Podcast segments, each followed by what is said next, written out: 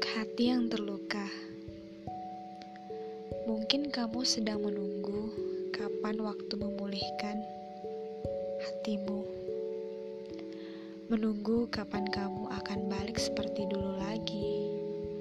Bahkan berusaha sehingga kamu bisa balik seperti dulu lagi.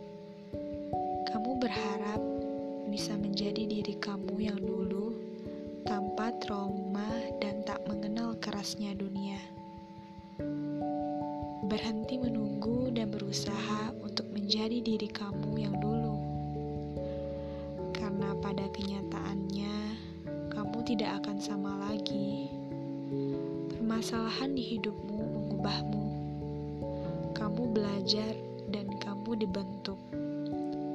Proses pemulihanmu membentukmu untuk menjadi pribadi yang lebih kuat, dewasa, dan bijaksana. Hmm, dunia boleh saja keras, tapi kamu pun juga kuat karena kamu bukanlah diri kamu yang dulu.